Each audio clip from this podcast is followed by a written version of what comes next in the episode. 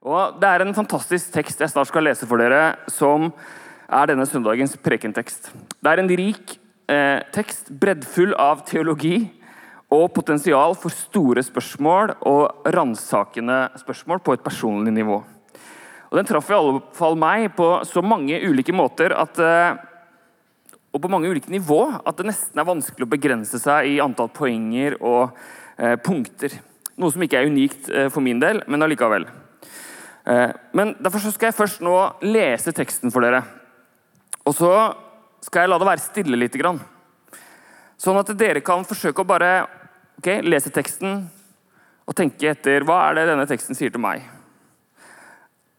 Ønsker Gud å si noe til deg gjennom denne teksten? Hvilke spørsmål er det du kommer på, og hva er det som dukker opp i ditt uh, sinn når vi leser? Og Vi skal lese fra Lukas kapittel 14, og dere skal snart få teksten opp også. Men konteksten her er at Jesus er hjemme hos en fariseer på sabbaten. Og det er eh, måltid, det er fest. Jesus ligger til bords med den religiøse eliten, og det blir en diskusjon om hvem som skal sitte øverst ved bordet, og hvem som skal sitte sammen med eh, Gud på, i, i, det evige livet. Og Jesus slutter da med å si at eh, du skal ikke be venner som kan invitere deg tilbake. Nei, når du skal holde selskap, så må du innby fattige og uføre, lamme og blinde.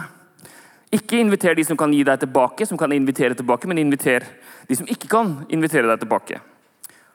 Da skal du få lønn i det kommende riket, sier Jesus. Og så begynner vår tekst. En av gjestene som hørte dette, sa da til han, salig er den som får sitte til bords i Guds rike. Men Jesus sa til ham, det var en mann som ville holde et stort gjestebud, og han innbød mange. Da tiden for gjestebudet kom, sendte han tjeneren sin av sted for å si til de innbudte, kom, for nå er alt ferdig. Men de begynte å unnskylde seg, den ene etter den andre. En sa, jeg har kjøpt et jordstykke og må gå ut og se på det. Vær så vennlig å ha meg unnskyldt. En annen sa, jeg har kjøpt fem par okser og skal ut og prøve dem. Vær så vennlig og ha meg unnskyldt. Og en tredje sa, Jeg har gifta meg, derfor kan jeg ikke komme. Tjeneren kom tilbake og fortalte dette til herren sin. Da ble husherren sint og sa til tjeneren, Gå straks ut på byens gater og torg og hent inn de fattige og uføre og blinde og lamme. Tjeneren kom tilbake og sa, Herre, jeg har gjort som du sa, men det er ennå plass. Da sa herren til tjeneren, Gå ut på veiene og stiene og nød folk til å komme inn så huset mitt kan bli fylt. For jeg sier dere, for jeg sier dere, ingen av dem som var innbudt, skal få smake festmåltidet mitt. Det var dagens tekst. Og Det spørsmålet jeg vil stille etter hvert når vi får opp hele teksten her, det er hvem i denne teksten er det du identifiserer deg med? Hva treffer deg i denne teksten? Og Jeg vil bare først anerkjenne at dette er en utfordrende tekst. Og jeg vet at teksten kan prekes på en måte som skaper dårlig samvittighet. Som, eh, som jeg som menighetsleder kan bruke for å si 'nå må du skjerpe deg'. Eh, og Det gjelder jo i og for seg alle bibeltekster, men spesielt også kanskje denne. Og Om det er noe jeg sier som høres slikt ut, så vil jeg iallfall at du skal vite at jeg inkluderer meg 100% i utfordringene som jeg gir i dag. Og som jeg har sagt mange ganger de 18 årene jeg har vært eh, pastor her i menigheten Jeg trenger ikke Jesus bare som min frelser, eller som min venn, eller som et forbilde. Men jeg trenger Jesus som utfordrer. Jeg trenger at Jesus utfordrer meg. Og Hvis du ønsker å leve et liv med minst mulig motstand, hvis du ønsker å leve et liv som gir mest mulig nytelse og autonomi ja, da må du ikke åpne evangeliene. For all del, ikke åpne evangeliet og hør hva Jesus sier, hvis målet er enklest mulig reise gjennom livet. Og Nå har dere teksten her. og Nå skal jeg være litt stille, så kan du se på teksten. Og Spørsmålet du kan ta med deg inn i lesningen, er hvem er jeg i denne teksten, og hva er det Gud sier til meg? Jeg er stille.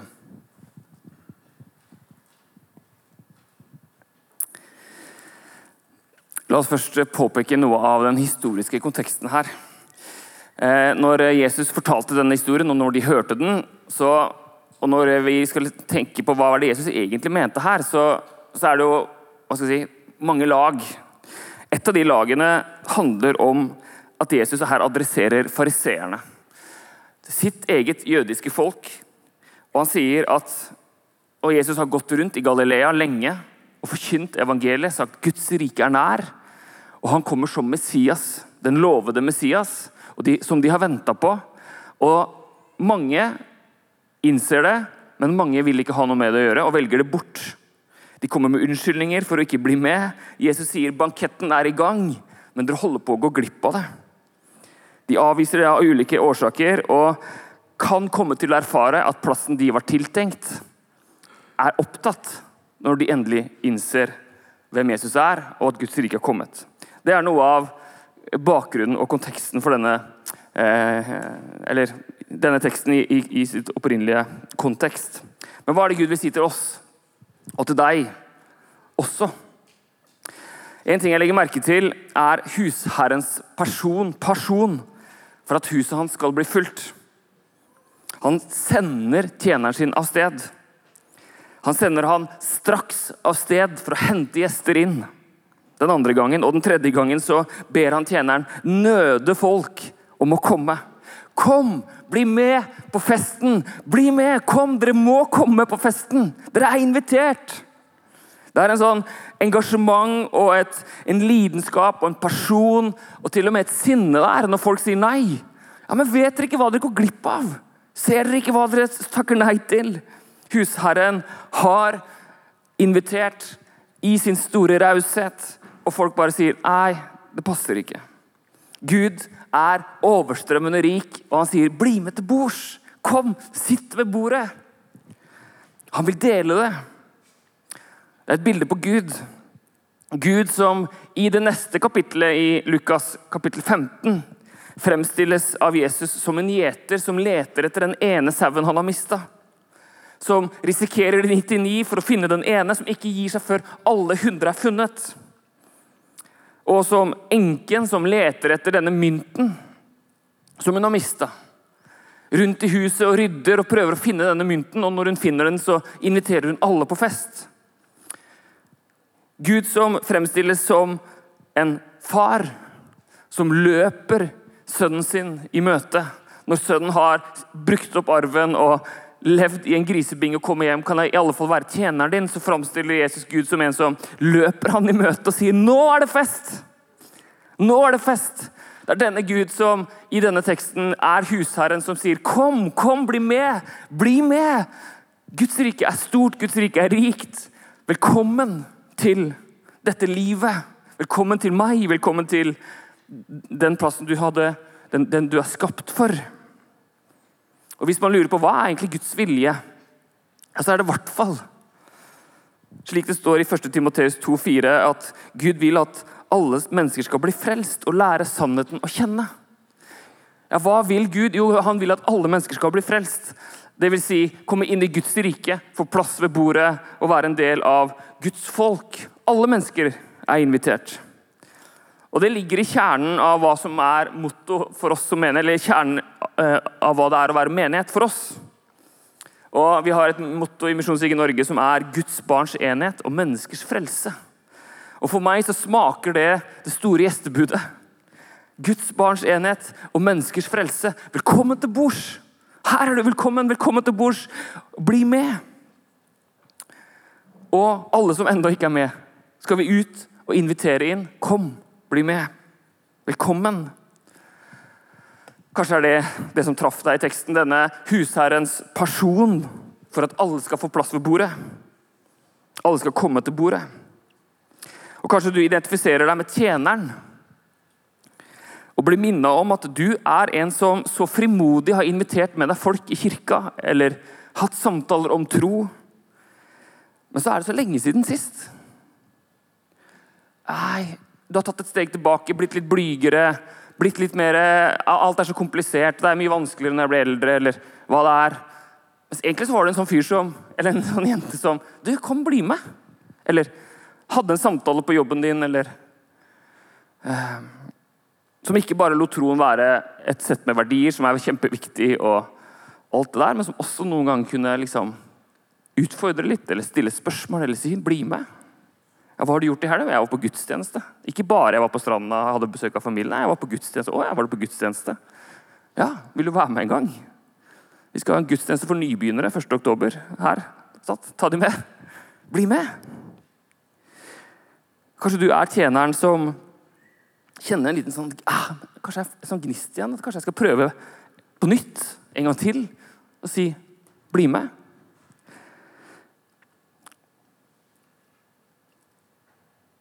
Gå og fortell. Gå og inviter. Lik og del, som det heter i sosiale medier. Lik og del, og, og si 'velkommen'.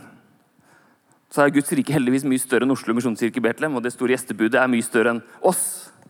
Men allikevel, i vår del, det vi kan gjøre i, vårt, i, i vår lille liksom, hjørne av dette gjestebudet Kom, bli med. Eh, og Vi skal for øvrig ha litt fokus på det i september, bare for å ha litt sånn frampek. Vi skal ha tre søndager i september hvor vi skal ha fokus på det å dele tro. Hvordan ser det ut i vår tid? Og Vi får besøk av to pastorer som begge har skrevet bøker om å dele tro. Trond Egil Lunde fra OKS kommer første søndagen, og Gina Gjerme eh, kommer andre søndag. Hun har skrevet en bok som heter 'Bro til tro'.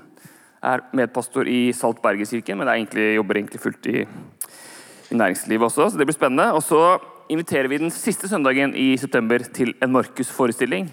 Hvor hele Markus-evangeliet skal spilles ut. Her sånn. Eh, og vi sitter og hører og ser Markus-evangeliet bli spilt ut. En perfekt anledning til å si til noen på din jobb eller nabo du skal ikke være med på teater og se Markus-evangeliet. Bibelen er en veldig viktig bok. vet du, og så videre. Mange gode innsalg i, i eh, Markus-fortellingen. Så, vet, kan du, kan du, så kan du, du kan lese hele manus på forhånd, så du vet hva som kommer. Ja, Det er veldig trygt. Ja, så Det var bare litt frampek. Vi skal snakke mer om dette i september. Men Guds rike er her. Herren inviterer. Gå ikke glipp av det. Det skjer nå. Det skjer nå. Ja, men uh, Sorry, ass. Jeg har fått meg ny okse. Beklager. Jeg har fått et jordstykke. Jeg må ta meg av jordstykket mitt. Jeg skal gifte meg. Jeg har gifta meg. Jeg må, jeg må ta meg av ekteskapet, oss, og bruke tid sammen. Jeg vet ikke om det er noen som kjenner seg igjen i, i disse. Og hvordan går det med oksebeholdningen om dagen? Hva er prisen for en okse nå? Og hva er liksom Hva er status? Det er kanskje ikke så mange okser her i fellesskapet, men det er ikke så veldig vanskelig å oversette disse tre unnskyldningene inn i vår tid. Oksen kan være jobben. Fem par okser som skal hjelpe meg og gi meg inntekt. Jordstykket kan være eiendom og ting vi eier og har som vi bygger, bygger og kjøper og investerer. Ekteskap er ekteskap, relasjoner, familie osv. Eh, og hvis du noen gang har hatt rollen i å forsøke å motivere folk til å bli med på noe, f.eks. i menighet, så, man, så, har man hørt hundrevis av lignende unnskyldninger. Velbegrunnede unnskyldninger. Jeg vil understreke ordet 'velbegrunna'. Og Kanskje man ikke heller skal kalle det unnskyldning, for noen ganger så er det faktisk en reell, god årsak til at man skal si nei. Virkelig. Ja, men det kan jeg ikke. Jeg må sette en grense her. Dette skal ikke jeg gjøre. Absolutt. Men mange ganger så er det også sånn Jeg vet hva, jeg, jeg, jeg har denne oksen, dette, dette jordstykket og dette ekteskapet. For det er ikke dårlige unnskyldninger. Altså, Okse er jo en gave fra Gud jordstykket. Wow! En gave fra Gud. Ekteskap, om du er så heldig. Wow! Guds gode gave. Problemet er jo ikke oksen, jordstykket, ekteskapet. Problemet er jo blikket eller prioriteringen. Eller vektingen av hva som er viktigst, hva som kommer først. Og Jeg har hørt mange predikanter snakke foraktfullt, foraktfullt til menigheten om hytta på fjellet. Jeg kan ikke komme på gudstjeneste for jeg skal på hytta på fjellet. Og så snakker predikanten foraktfullt om det, og nå snakker jeg litt sånn meta her. Så sier man til dem som ikke er på hytta, snakker man foraktfullt om de som er på hytta. Nei, vi kan ikke feire påske lenger, for alle er på hytta. Ikke sant? Jeg har hørt så mange varianter av det. Men om du har et jordstykke på, hyt på fjellet som du må se til iblant, og nyte, ja, men takk Gud for det. Så fantastisk. Jeg hadde elska å ha en hytte på fjellet. Hvis noen har en hytte på fjellet og har lyst til å gi meg, jeg er åpen. Fall visse steder, deler av landet. Altså, han mener, Wow! Du har en hytte på fjellet. Fantastisk. Takk Gud for den. Om du har en okse Wow! Du er privilegert. Har du fem okser? Utrolig heldig du er. Det er ikke alle som har det. Noen har bare fire, eller noen har én, eller noen har bare en geit. Men du har fem okser. Takk Gud for det. Du må jo være enormt takknemlig og glad. Og du må ta godt vare på oksene dine. Virkelig. Nå er du gift. Wow! Og oi! Og det er ikke alle forunt. Fantastisk. Ja, Da må du ta deg av ekteskapet ditt og flokken din. Virkelig og si 'takk Gud for dette'. Virkelig. Det er jo gode ting. Det er Guds gode gaver. Men ikke plasser håpet ditt der. Ikke ha den dypeste kilden til din glede i oksen, jordstykket eller ekteskapet. For det kan ryke. Du kan tape det. Og du kan gå glipp av det som er av enda større verdi. I 1. Timoteus 6 så står det noen formanord. Eh, rett og slett, for Det begynner med forman. Forman dem som er rike i denne verden, at de ikke må være overmodige, og ikke sette sitt håp til den usikre rikdommen, men til Gud. Han som gir oss rikelig av alt for at vi skal nyte det. De skal gjøre godt, være rike på gode gjerninger, være gavmilde og dele med andre. Slik samler de seg en skatt som blir en god grunnvoll for framtiden, så de kan vinne det virkelige livet. Altså, alle vi som har jordstykker og okser, vi skal være gavmilde, står det. Og dele med andre. Og være rike på gode gjerninger. Men det står faktisk også at vi skal nyte det. Legger du merke til det? Vi skal nyte det. Si takk, Gud, for dette. Og så skal du nyte det. Men hvis det bare blir nytelse, men ingen deling, ingen rike gode gjerninger Hvis det bare er liksom Ja, det er meg og mitt og oss. Ja, da er det kanskje at denne husherren sier at vet du, du kan risikere å gå glipp av det som er den virkelige verdien. Og man kan stille spørsmålet nyter vi det. Nyter vi oksene våre, jordstykket vårt, relasjonene våre, livet vårt? Har vi det bra med oksene våre, med jordstykket vårt? Et av de mest populære uttrykkene i vårt kultur, eller er Allah dette her, ja, men det er så travelt. Det er så travelt. Eller ja, det er så mye. Hvordan går det med deg? Ja, det er så mye om dagen. Og ikke minst noe som jeg har sagt. Sånn, jeg er så sliten. Det er så mye. Jeg er så sliten. Jeg hører det hele tiden. Ja, det er så hektisk. Jeg tar meg sjøl i å si det. Ja, nå, nå blir det bra med sommerferie. Og så tar vi det som en sånn selvfølge at ja, men sånn er jo livet. Det er hektisk, travelt, man blir sliten osv. Og, så og så er det bare blitt en sånn kultur. Og det er spørsmålet har det blitt en del av kulturen. Ja, men Selvfølgelig er vi slitne, selvfølgelig har vi det travelt, selvfølgelig har vi det hektisk. Ja, hvorfor det? Hvorfor det? Ja, hvorfor har vi det sånn? Hvorfor har du rigga deg sånn? Det hadde vært interessant eksperiment å late som at man blir overraska når folk sier av de, en av de tingene. Og igjen, Jeg inkluderer meg sjøl 100 her, bare så dere vet det. Istedenfor bare liksom Ja, nei, uff, ja, nei, det er jo så slitsomt. Og nei, det er jo så hektisk. Det er så mye å gjøre. Istedenfor å bare liksom nikke til det, hvis man hadde spurt tilbake, lata som at, at det også kan være en konsekvens av bevisste valg. At du har tatt faktiske valg og prioriteringer og grensesetting eller mangel på grensesetting som gjør at dette er en konsekvens. Når folk sier 'Å, jeg er så sliten', så jeg bare 'Oi, er du, er du sliten? Hvorfor det? Hva skjer?' 'Å, det er så travelt.' 'Å ja. Hva er det du holder på med som gjør at det er så travelt?' Hva har du sagt ja til som gjør at det er så travelt? Er det hektisk? Hæ, er det hektisk? Hvilke prioriteringer og valg har du gjort som gjør at det er så hektisk? Altså, og jeg, jeg snakker ikke liksom ovenfra og ned for det er jo, altså jeg lever jo midt i dette selv. Men det, jeg bare tenker at det er noen, det er noen, noen ransakende spørsmål som jeg begynte å tenke på når jeg tenkte på disse kara som kommer med gode unnskyldninger. Gode, begr velbegrunna ja, Og noen ganger så er det sånn ja, vet du hva? Jeg er så sliten fordi ekteskapet akkurat har ryket, eller har, vi har en barn som har sant, utredes, eller vi som er syk. Altså, det fins så masse liksom, hva man bare skal si Fy jeg skjønner godt at du er sliten. Og kjære deg, ta godt vare på deg selv, og velkommen til å, velkommen til å bidra med ingenting utover å bare være til stede eller i, ditt, i din familie. Det skal ikke kreves noe av deg. Men oss andre som er normalt friske, har normal inntekt, ja, hvorfor skal vi drive og ha det så utrolig travelt og hektisk og være slitne? Hva er det vi holder på med som gjør at vi har det sånn? Det kan jo ikke være det livet Gud egentlig har kalt oss til. Eller? Denne teksten gir oss mulighet til å stille noen ransakende spørsmål om egne prioriteringer. Er jeg tilfreds med mengden av tid og energi jeg bruker på oksene? Trenger de egentlig å bli feitere? Trenger jeg seks par? Forvalter jeg jordstykket mitt i tråd med de verdiene som er viktigst for meg?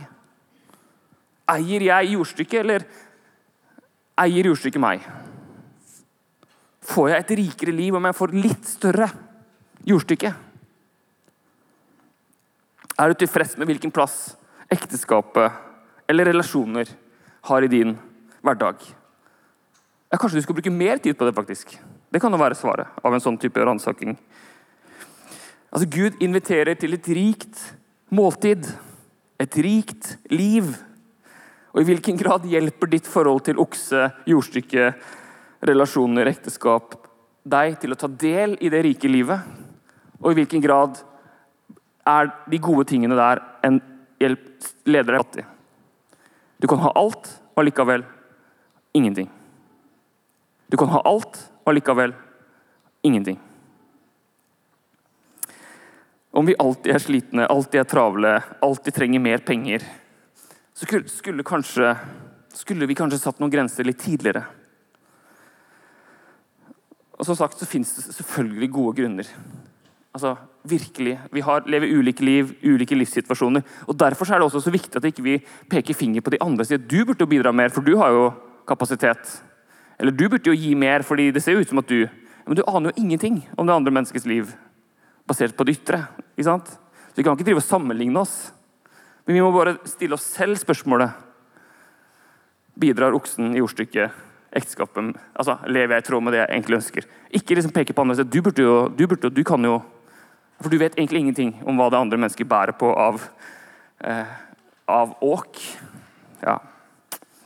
Edin Løvaas snakka om betydningen av å sette grenser. Han utarbeida gjennom et langt liv fem punkter for disippelen. Hva det er å være en disippel.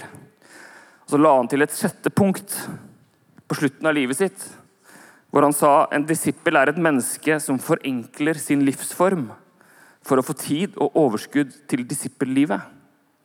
Et menneske er en, en disippel er et menneske som forenkler sin livsform for å få tid og overskudd til disippellivet. Det betyr ikke at disippellivet ikke er, kan være på hytta på fjellet. Dere skjønner Det Det, ikke, det betyr at det, det, kan absolutt være i jobben og ekteskapet og i fritid og alt du holder på med. Som trener på fotballaget. Der kan jo disippellivet leves. Men hvis det bare er masse av alt, så sier Edin Løvaas hva, en disippel er en som jobber med å forenkle sin livsform. Kanskje selger seg ned istedenfor å kjøpe seg opp. Bygge mindre istedenfor å bygge større. Altså forenkle livet sitt. Rydder for å få plass til disippellivet. Og igjen, jeg bare kjenner meg enormt utfordra her. For å få tid til banketten, ja, så må du noen ganger rydde plass. Når, gode, når, er det gode godt og en gave fra Gud? Og når vil det gode kunne lede deg vekk fra Gud og Guds rike? Det er så mange relevante poenger i denne teksten at uh, når jeg forberedte meg, så tenkte jeg at dette her må jeg fordele over flere søndager. Uh, så tenkte jeg jeg kan jo fortsette på den teksten søndagen etter sommeren. Uh, og ta samme bibeltekst da.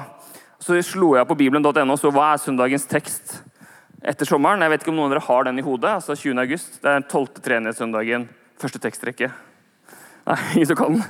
Nei, jeg slo opp, og da er det eh, da er da søndagens tekst Matteus 6, 24, og den starter sånn her. Ingen kan tjene to herrer. Han vil hate den ene og elske den andre. eller holde seg til den ene og forakte den andre. Dere kan ikke tjene både Gud og mammon. Og så kommer det litt lenger ned. Søk først Guds rike. Fuglen, arbeid, altså, Fuglen jobber, og blomstene bla, bla, bla. Gud tar seg av det. Søk først Guds rike. Så kanskje er det noe med det, med disse oksene og jordstykkene. og ja, men Alt det der er gode gaver, men søk først Guds rike. Også i jordstykket ditt, også med tanke på oksene, også med tanke på ekteskapet. Ja, så Da vet dere hva som kommer etter sommeren. Og Denne preken kunne handla om andre typer unnskyldninger også. Man kunne brukt dette som en tekst for å snakke om ja, hva slags andre ting er det som holder deg igjen fra å søke Guds rike. For å si ja til Guds invitasjon. Kanskje du opplever at Gud kaller deg og sier 'kom, bli med til bords'. Men kanskje du for øyeblikket identifiserer deg på utsiden.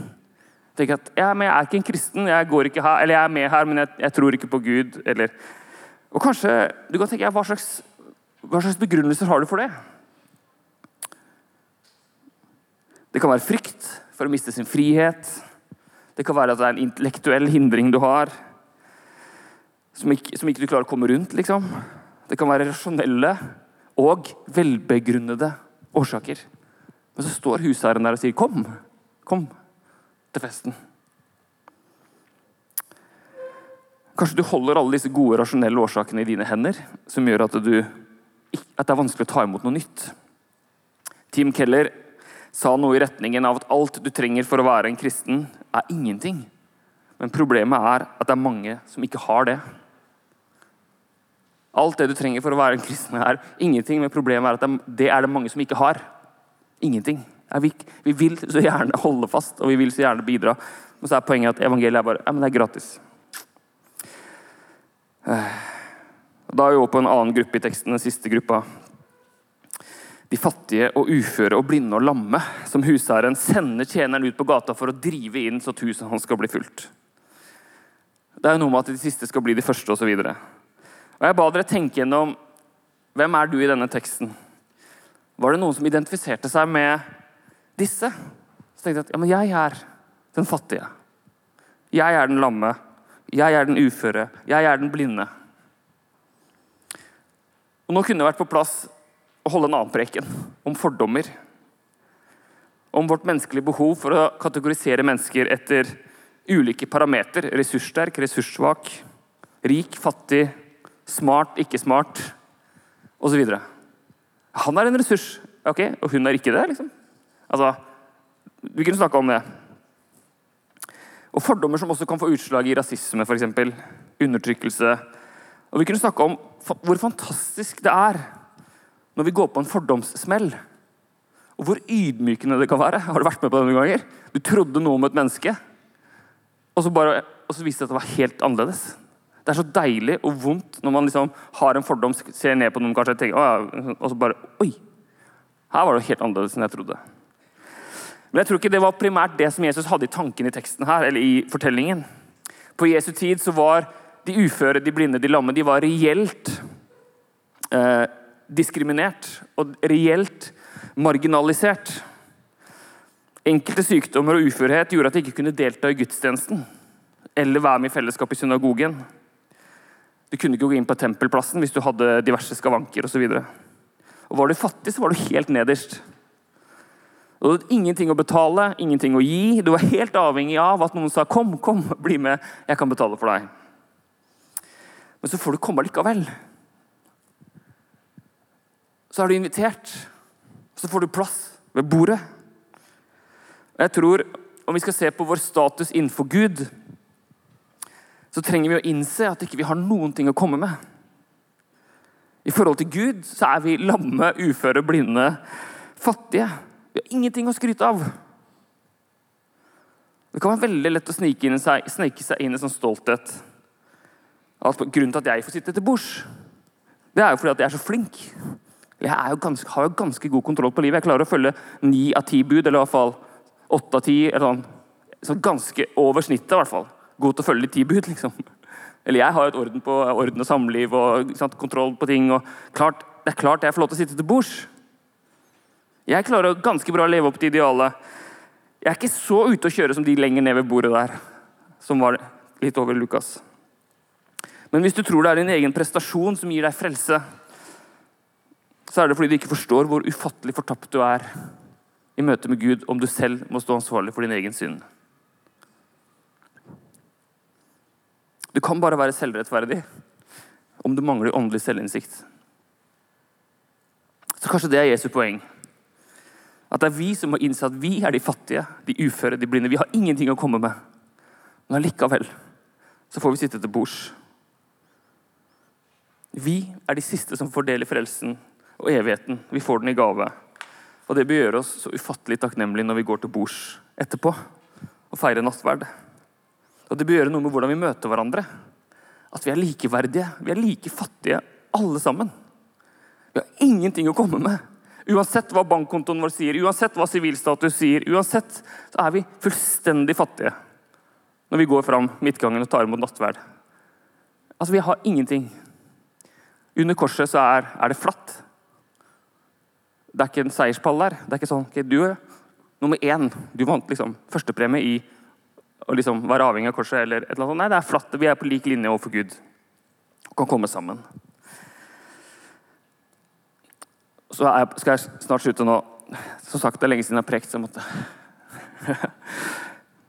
Men jeg tror at hvis Jesus hadde vært her og prekt, hvis han hadde stått her og prekt Jeg har noen ganger tenkt det. Hvordan ville det vært å ha Jesus som pastor? Ville vi hatt menighetsvekst, eller ville alle ha liksom, alle ville ha flyttet, alle ville, ingen ville vært medlem? Jeg tipper jo Jesus ikke kanskje ville hatt en så veldig stor menighet. egentlig. Men det er en annen sak. Spennende tanke. Men hvis han hadde vært her og forkynt, ville han sluppet unna med at liksom vi kunne sagt ja, men vi er de fattige og uføre, så da, da er vi ferdig med den saken. Nei, jeg tror han ville faktisk utfordre oss på å reelt gjøre noe med at vi inviterer flere inn som ikke ligner på oss. Vi hadde ikke bare sluppet unna, eh, vi hadde ikke bare sluppet unna med å liksom, ok, men da er jo vi de fattige og uføre i den teksten, så da, da er vi jo allerede med, og vi er inkludert.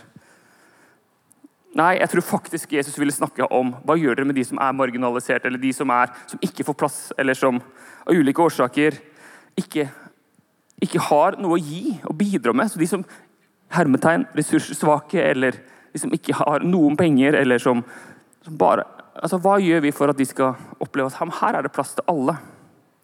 Gjennom hele Bibelen går denne røde tråden om hva som er sann tilbedelse hva som det er å virkeliggjøre Guds vilje. Hvis du, hvis du, virkelig er opptatt av å følge Guds vilje, ja, da står det at du skal ta deg av de fattige, enkene, innflytterne, de farløse. Da er du på sporet av hva det er å være sann kristen. Og hvor mange flyktninger har vi egentlig i kirka vår?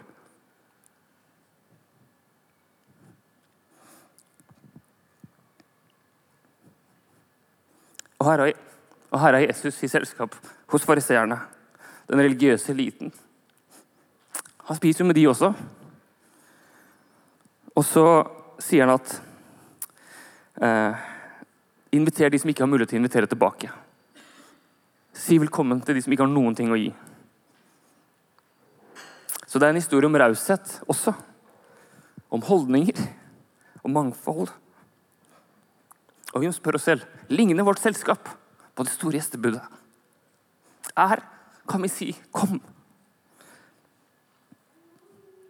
Er det et mangfold av mennesker rundt ditt bord når du inviterer til fest hjemme hos deg?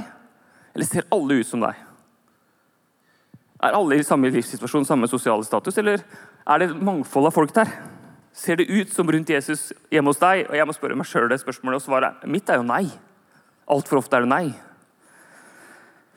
Ja, så Det er ransakende spørsmål for både oss som enkeltpersoner og for oss som menighet. Hvordan er det med, vår, med vårt gjestebud? Ligner det på Jesus sitt? Og som jeg også har sagt mange ganger, Menigheten vår har et mye større mangfold enn det ser ut som. Om vi bare ser på utsiden. Men allikevel, la oss være ærlige på at gjennomsnittet her ligner ikke på Oslos befolkning.